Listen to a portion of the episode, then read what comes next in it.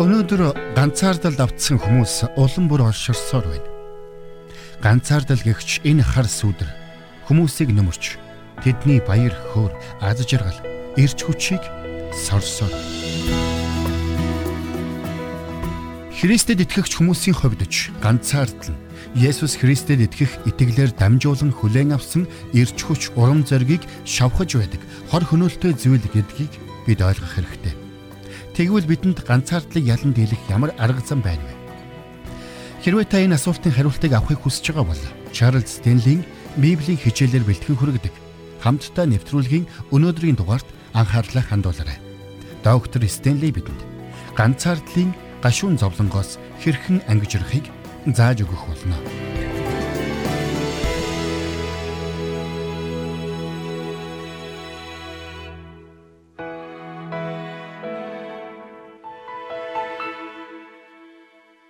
Эхлэл номын эхний хоёр бүлэгт гарч буй бүтээлийн түүхийг унших юм бол Бурхан бүтээсэн бүтээлүүддээ үнэнхээр сэтгэл хангалуун байсан болохыг харах болно. Эхлэл номын 1-р бүлэгт Бурхан орчлон ертөнцийг бүтээхдээ тэр нь үнэхээр сайн болохыг олж харсан байдаг. Дараа нь бурхан хүнийг бүтээсэн. Бурханы бүтээсэн хүн түүний мэлмид үнэхээр тааламжтай байсан. Дараа нь бурхан эдийн цэцэрлэгийг харахад тэр нь ч мөн үнэхээр сайхан байсан юм. Эдийн цэцэрлэгт хүнд хэрэгцээтэй бүх зүйл байсан. Бурханы бүтээсэн бүх зүйлс үнэхээр сайн сайхан байсан юм. Харин нэг л зүйлийг бурхан сайн биш гэж хэлсэн. Энэ бол ганцаардл байсан юм. Адам ганцаардаж байгааг бурхан хараад энэ нь сайн биш гэж хэлээд Яваг бүтээсэн. За тиймээс эндээс харуул бурхан биднийг зүрхэндээ ганцаардaltaйн амьдраасаа гэж хүсдэггүй болох нь харагдаж байна. Угтаа бол бурхан хүнийг бүтээхгүй байж болох л байсан. Гэвч хүнийг бүтээх сонголтыг тэр хийсэн. Бурхан хүнтэй нөхөрлөж, анд нөхрийн харилцаатай байхын тулд хүнийг бүтээсэн. Бурхан хүнийг бүтээгээд түүнд ам болон сүнсийг өгсөн. Гэвч тухайн хүн тохирох хамтрагч байгаагүйгээс болоод тэр хүн бурхантай нөхөрлөх боломжтой хэдиж зүрхэндээ ганцаардаж байгааг бурхан харсан юм. Тэгээд энэ нь сайн хэрэг биш байна хэмээн бурханд үгэнсэн юм. Бурхан Адамд бүх ан амьдтыг хариуцуулан өгсөн. Тэр үдсгэлэнтэй байгаль дэлхий дээр амьдарч байсан юм. Түүнд хэрэгцээтэй бүх зүйл тэнд байсан. Тэр бурхантай нөхөрлөж амьдарч байсан. Бурхан анханасаа хүнийг ганцаардлыг мэдрүүлэхээр бүтээгээгүй. Тиймээс ч хэдийгээр Адамд хэрэгцээтэй бүх зүйл нь байсан ч Бурхан хүн ганцаараа байх нь сайн биш. Би түүн тохирох туслагчийг бий болгоё хэмээн айлдаад Яваг бүтээсэн байдаг. Эндээс бид хүн төрлөختөнтэй холбоотой нэгэн чухал үннийг харж байна. Энэ нь юу вэ гэвэл хүмүүс бид бие биедээ хэрэгтэй болохыг Бурхны бүтээлийн түүх бидэнд гэрчилж байна. Өнөө үед ганцаардлын гашуун зовлонд автсан хүмүүс улам бүр олширсоор байна. Ганцаардлын хар сүудэр олон хүмүүсийн амьдралыг нөмрөн авч тэдэнд хаягдсан гологдсон мэдрэмжийг төрүүлж итгэл найдварыг нь булаасаар байна.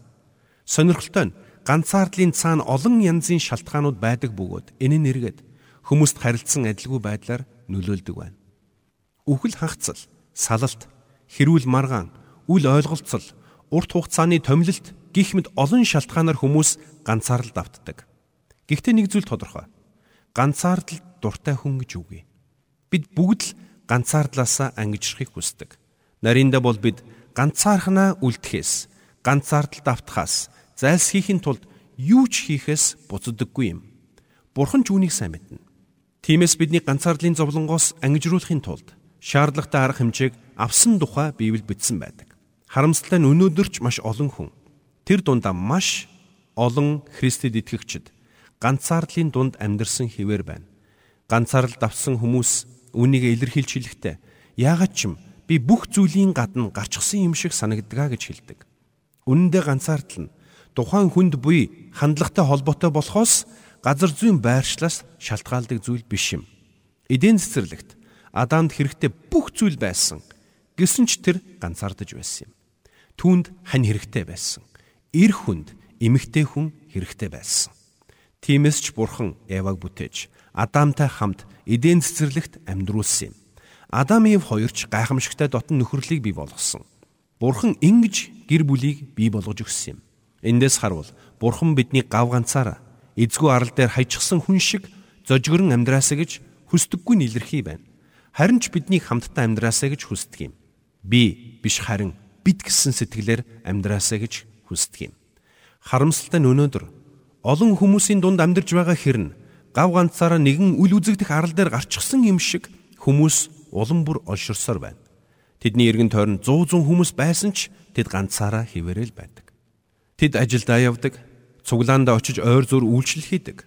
Гадуур зугаалдагч яг л эргэн тойронд нь үл үзэгдэх хан босчихсон юм шиг болчихсон байдаг. Тэд бусадтай дотносож нөхөрлөхийг хүсдэгч чаддаггүй. Тэд үл үзэгдэх хан дотроо байж ядарч шаналж байдаг ч үүнийгээ бусдад илэрхийлж чаддаггүй. Бусад хүмүүс өөрт нь огт анхаарал хандуулдаггүй юм шиг тэдэнд санагддаг. Хамгийн гол нь бидний эргэн тойронд ийм хүмүүс байгааг бид ердөөч анзаардаггүй. Ганцаараа байх болон ганцаардах гэдэг хоёр ялгаатай ойлголт. Ганцаардсан хүн гэдэг бол эргэн тойронд байгаа хүмүүсээс тусгаарлагдсан мэт мэдрэмжинд автсан өөрийг нь хинч тоохгүй, хинч анзаарахгүй, хинч хайрлахгүй байгаа юм шиг мэдрэмжийн дор амьдардаг хүн юм. Ийм хүнд өөрийг нь хинч сонсохгүй байгаа юм шиг санагддаг. Өөрт нь бусадтай хуваалцах зүйл огт байхгүй юм шиг бодогддог. Харамсалтай нь өнөөгийн завгүй ертөнцид бид эргэн тойронд буй хүмүүстэй улам бүр мэдрэмжгүй хандах болсон юм. Гэтэл тэдэнд зүгээр л өөрсдийг нь сонсох, өөрсдөд нь санаа тавих хүмүүс хэрэгтэй байдаг. Гэвч хүн бүр зөвхөн өөрийнхөө амьдралд санаа тавиад бусдад санаа тавих завгүй болчихжээ. Тэгвэл ганцаардал давтсан хүмүүст ямар найз хэрэгтэй байдаг юм бэ? Яг л та бидэнд шиг хүмүүс хэрэгтэй. Тэдэнд цаг гаргаж тэднийг сонсохдоо бэлэн хүмүүс хэрэгтэй байдаг. Үнэн дээр Христэд итгэгчд бид ийхүү тусламжгүй чимээгүйхэн хашгирч буй ийм хүмүүсийг үл тоон завгүй амьдрч хаад хожим нь бурхны өмнө нүүр бардам зогсож чадахгүй. Бид айлуудын хаалгыг тогшиж 500 хүнд сайн мэдээ яриад тэднийг Есүс Христээр авчирсан ч тэндээс гарч явахдаа ганцаардал давтсан хин нэгнийг үл тоон хажуу тийш түлхэж орхидог бол Бурханд энэ нь таалагдах нь юу л бол? Чуулган нь Есүс Христийн бие биш гэж юу? Христэд итгэгчид Бурхны гэр бүлийн гишүүн биш гэж юу? Гэр бүлийн гишүүд биевнээ ганцаардан шаналж байхад нь орхидог үлээ чухамдаа үүний төлөө л Бурхан биднийг дуудсан юм бид өөрсдийгөө бие биедээ зориулж бие биеийнхэн хэрэгцээнд мэдрэмжтэй хандах ёстой. Энэ бол Христэд итгэж хүн нэг бүрийн үүрэг юм. Ганцаардл нь хүний өөрийгөө харах хараанд сөргөөр нөлөөлдөг юм. Ганцаардл давтан шаналж байгаа хүмүүстэй ярилцсаж байхад тэд бүгд нэг зүйлийг хэлдэг. Миний дотор ямагт дайн өрнөж байдаг юм а. Энэ дайн бол өөрөө өөрийгөө харах хараатай холбоотой дайн. Бид яаж ч хичээсэн гол асуудал надад л байгаа юм байна гэсэн дүгнэлтэнд хүрчихэд байдаг юм. Химээ нэгэн залуу надад ярьж байсан юм. Хүмүүс яагаад намайг тоодоггүй юм болоо? Надад л ямар нэгэн асуудал байгаас зайлшгүй гэж тэд боддог. Үүнээсээ болоод өөрийгөө голж, өөрийгөө буруутгаж эхэлдэг. Гэвч тэдний ихэнх нь яг л юунаас болж ийм байдалд орчход байгаагаа мэддэггүй юм. Улмаар тэдний өөртөө итгэх итгэл улам бүр үгүй болсоор байдаг. Тиймээс бид ийм хүмүүст төрүүлж хурж тэдний өөрийгөө харах харааг нь өөрчлөх хэрэгтэй юм. Тэр хүний дотор дайн өрнөж байгаа гэдгийг бид ойлгох хэрэгтэй. Тэгвэл би танаас асууя. Та хизээ нэгэн цагт ийм ганцаардлыг мэдэрч байсан уу? Хаа нэгтэй газарт очиод хэсэг зур байсны эцэст би энэ газарт нэг л зохихгүй байх шиг байна. Энэ газарт байх хэрэг надад алга. Гисэн мэдрэмж таны дотор төрж байсан уу? Бусдад гологдох мэдрэмжийг мэдэрч үзэж байсан уу? Хинд ч хэрэггүй болчихсон юм шиг мэдрэмж танд төрж байсан уу? Хэрвээ тийм бол ганцаарл давтсан хүмүүс ямагт ийм мэдрэмжийг тээж байдаг гэж та бодоорой. Тиймээс бид эргэн тойронд буй хүмүүстэй мэдрэмжтэй хандаж сурах хэрэгтэй юм. Өнөөдөр дэлхийгээр дүүрэн ганцаардсан хүмүүс байна. Харин тэдэнд хүрч тэдэнд туслах ёстой хүмүүс бол бид юм. Тэд ганцаардаж, тэд шаналж байгаа. Гаднаа зүгээр л юм шиг дүр эсгэвч дотроо шаналж зовх ямар хэцүү байдгийг та мэдхүү. Гэтэл ийм зовлонд автсан хүнийг үл анзаарч тэдний зовлонд мэдрэмжгүй хандсанаар бид тэдний зовлон улам бүр дордуулахад хувь нэмэр оруулж байдаг юм. Бид тэднийг үл тоох үед тэдний ирч хүч улам бүр суларч байдаг. Урам зориггүй болж байдаг. Гар хөлн суларч ямарч идэвхгүй нэгэн болж хувирдаг юм. Тэдний нүүрнээс инээмсэглэл нь арчигдаж баяр хөөрн үгүй болдог. Урам зориггүй, ирч хүчгүй, баяр хөөргүй амьдрал гэдэг бол үнэндээ утга учиргүй хий хоосон оршихгүй юм. Хүмүүс маш олон шалтгааны улмаас ганцаардалд автдаг байна. Заримдаа маш их амжилт гаргасан ч үүнийгээ хуваалцах хүнгүй байх үед ганцаардаг. Заримдаа амьдралын чухал шийдвэр гаргах үед түүнийгээ хуваалцаж зөвлөх хүн байхгүй болохоор бид ганцаарддаг. Ганцаардаж сөхөрсөн үедээ зүрх сэтгэлээ уудлан ярих хөнгүү байх үед бид ганцаарддаг. Намайг баг байхад ээж маань өдөр бүр ажилдаа явдаг байлаа. Ээж маань өглөө бүр 7 цагт гэрээсээ гараад орой 5 цагт эргэж ирдэг байсныг би санаж байна. Бас миний амьдрдаг гудамжинд миний үеийн нэг ч хүүхэд байдаггүй байлаа. Тиймээс зуны 3 сарын туршид би том байшинд ганцаархна өдрийг өнгөрүүлдэг байснаа санаж байна. Тухайн үед би ганцаардал гэж юу байдгийг огт мэддэггүй байсан. Гэхдээ надад өдөр өнгөрч өгөхгүй байгаа юм шиг санагддаг байсныг л санаж байна. Манай зургт байсангүй радиогоорч олигтой юм ярьдаггүй байв. Манайх тиймч баян айл байгаагүй учраас надад олон янзын тоглоом байсангүй. Цөөхөн хитгэн тоглоомуудаараа л өдөржингөө тоглодог байлаа. Иргэн тойронд хинч байхгүй, гав ганцаараа байх мэдрэмж надад хачирхалтай бас таагүй санагддаг байсан юм. Тиймээс ч орой ээжигээ ирэх үед хагартлаа баярлдаг байлаа. Орой ундахдаа ээжигээ маргааш ажилдаа явахгүй байгаасаа гэж залбирдаг байснаа санаж байна. Ягд гэвэл ээж ажилдаа явчихвал би өдөржин дахиад л ганцаараа байх ёстой болно шүү дээ. Тэгвэл өнөөдөр энэ мэд ганцаардсан хүүхдүүд маш олон байна. Өсвөр насны маш олон хүүхдүүд гэмт хэрэгт холбогдож буруу замаар алхаж байна. Шалтгаан нь маш энгийн. Тэднийг хинч харж хандаагүй тэдэнд хинт санаа тавиагүй учраас тэр Тэднийг өөлөх үед нулимсыг нь арчиж унах үед нь аргадж босгох хүн байгаагүй учраас л тэд ийм замыг сонгодог юм. Найз минь өнөөдөр ганцаардалд авцсан хүмүүс маш олон байгаа гэдгийг бид ойлгох хэрэгтэй. Ганцаардалд авцсан хүмүүсийн дотоод сэтгэл байнгын тогтворгүй байдалтай байдаг. Нэг өдөр салхи шуурга шиг оволцож байснаа маргааш нь үхсэн юм шиг намган болдог. Тэгээд тэд яадаг гэж тэд өглөө босоод нүрээ угааж үсээ самнаад хамгийн сайхнаараа хувцлаад нүүрэндээ хиймэл инээмсэглэл тодруулаад гэрээсээ гардаг. Яагад гэвэл тэд өөрсдийн зовлон бусдад мэдэгдэхийг хүсдэггүй. Харин Христэд итгэгчид бид мэдрэмжтэй байж чадвал ийм хүмүүсийг ялгаж таньж чадна. Тиймээс итгэгчид бид ганцаардалд автсан хүмүүст мэдрэмжтэй хандаж сурахын төлөө Бурханаас залбирanгуйх нь зүйтэй юм. Харин хэрвээ өнөөдөр та өөрөө ганцаардалд автсан байгаа бол ганцаардлаа хэрхэн ялан дийлхийг би танд хэлж өгье. Юуны түрүүнд. Хэрвээ та Есүс Христийг хараахан аврагчаа болгон хүлээж аваагүй байгаа бол түүнийг аврагч эзнээ болгон хүлээж аваарай.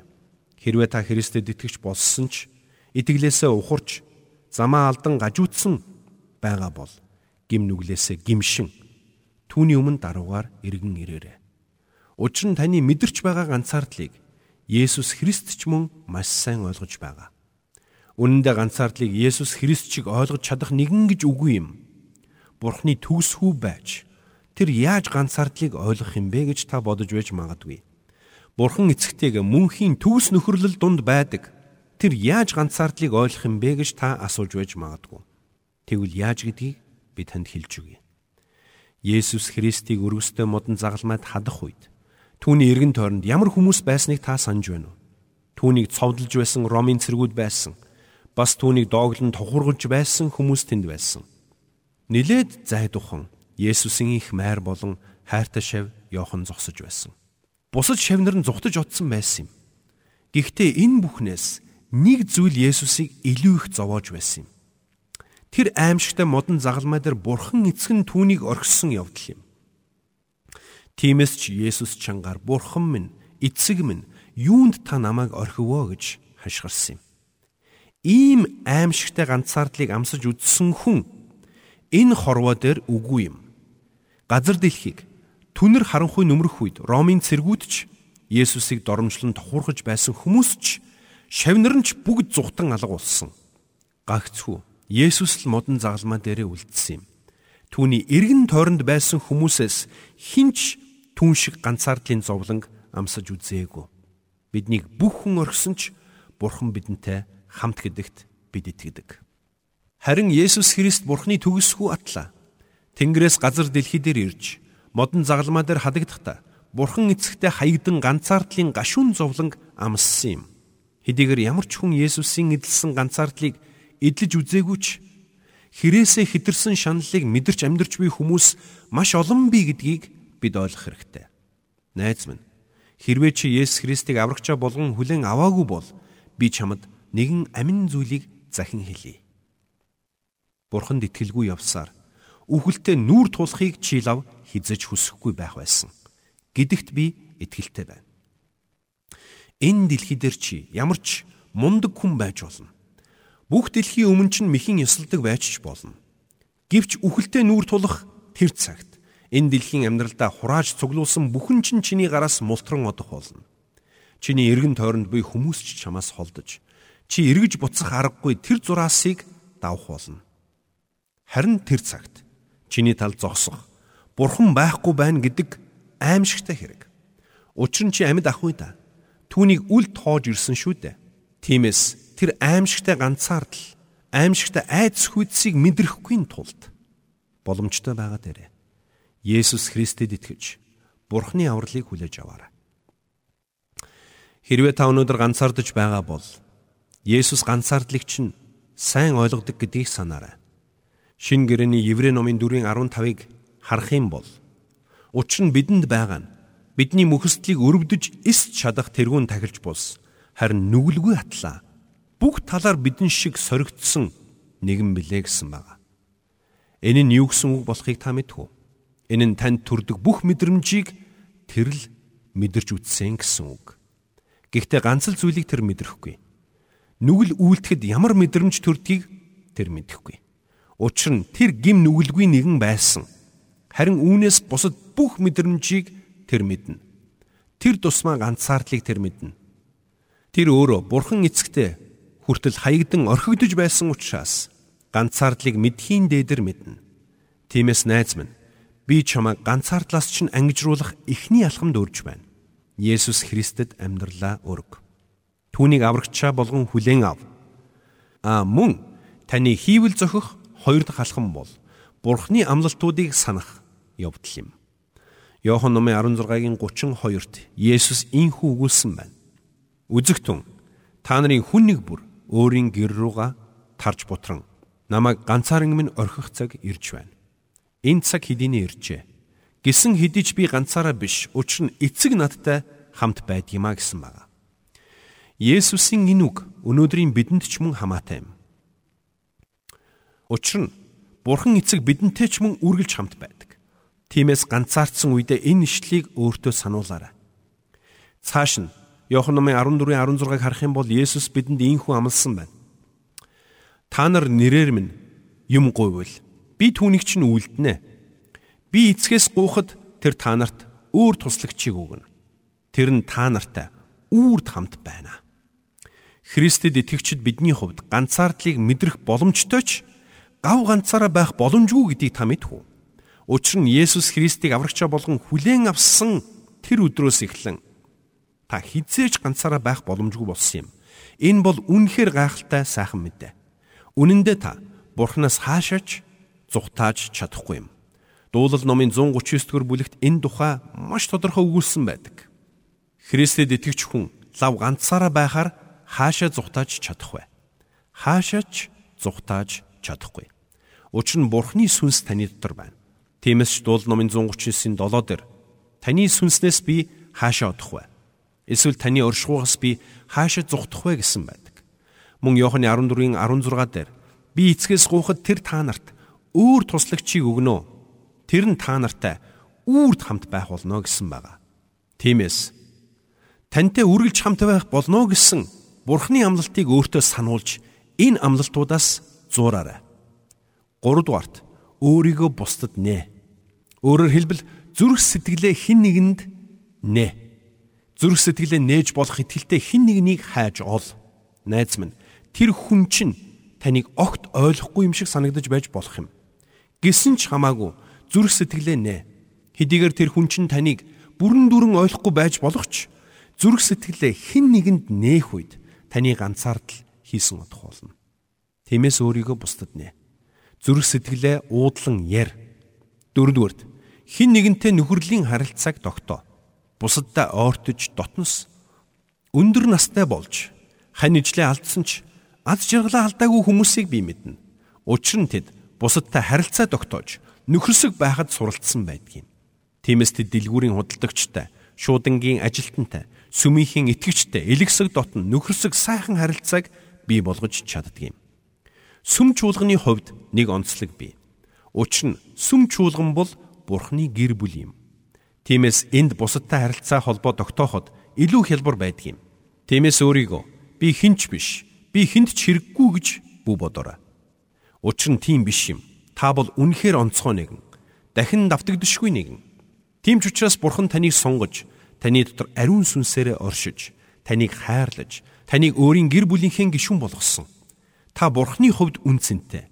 Тиймээс ч та бусдын өмнө үнцэнтэй. Үүнийг ойлгож ухаарах үед бид ганцаардлыг амархан ялан дийлж чаддгийм. Олон жил ганц би амьдэрсэн ч ганцаардалд ялагдаагүй хүмүүс олон бий. Учир нь тэд ганцаардлыг яаж ялхаа мэддэг юм. Эцэст нь би танд нэг зүйлийг хэлье. Ганцаардлаа ялан дийлэх хамгийн үр дүнтэй арга бол хин нэгэнд хүрч, хин нэгэнд үйлчлэх явдал юм шүү.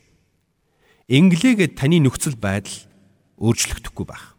Гэхдээ хин нэгэнд хүрч хин нэгэнд үйлчилж эхлэх юм бол үүгээрээ та ганцаардлаа ялан дийлэх болно. Ганцаардлыг ялах хамгийн агуу ялалтыг та байгуулах болно. Бусдын хэрэгцээг хангаж, бусдад үйлчлэх үедээ та өөрийнхөө ганцаардлыг ялж байдаг гэдгээ санаарай. Ингэснээр та үр дүн хизээч мэдэрч байгаагүй тийм сэтгэл хангалуун байдлыг мэдрэх болно. Үнэн дээр бурханд итгэж хүмүүсийн дунд ганцаардлын гашуун зовлон огт байх ёсгүй юм. Тиймээс бид бие биедээ мэдрэмжтэй хандах хэрэгтэй. Харин хэрвээ та ганцаарлалд автсан байгаа бол миний саяын хэлсэн таван алхмыг хийгээрэй. Эдгээрийн дундаас хамгийн хэцүү нь бусдад хүрч, бусдад үйлчлэх алхам байхаа гэж би боддог. Гэхдээ та үүнийг ч хийж чаднаа. Тиймээс та ганцаардаж байгаа бол эдгээрийг туршаад үзээрэй. Бурхан таны зүрхэнд хүрч амьдралыг чинь өөрчлөхийг та түн зөвшөөрөөрэй. Ингэснээр та урд өмнө төсөөлж байгаагүй гайхамшигтай эвэл өрөөлийг хүртэх болно. Бурхан бидэнд би чамайг хизээж орхихгүй, хизээж хаяхгүй гэж амласан. Тэр амлалтаа хизээд цагтдаг.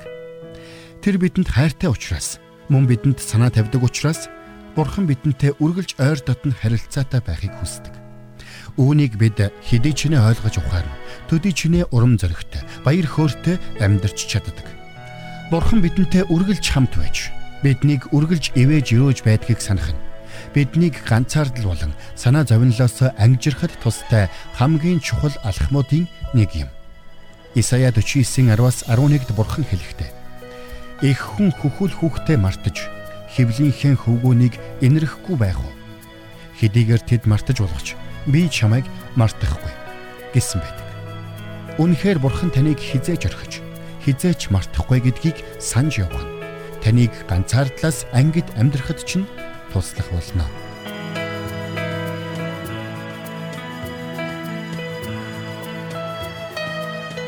Бурханд тэмүүлсэн сэтгэл хүмүүсийг энэрх зөрхөөр амьдрахад туслах номлогч доктор Чарлз Стенлигийн хамттай нэвтрүүлэг сонсогч танд хүрэлээ нэвтрүүлгийг дахин сонсохыг хүсвэл ихтгэл радиоцик.com-оор зочлоорой. Бидэнтэй холбогдохыг хүсвэл 8085 99 тэгтэг дугаард хандаарай.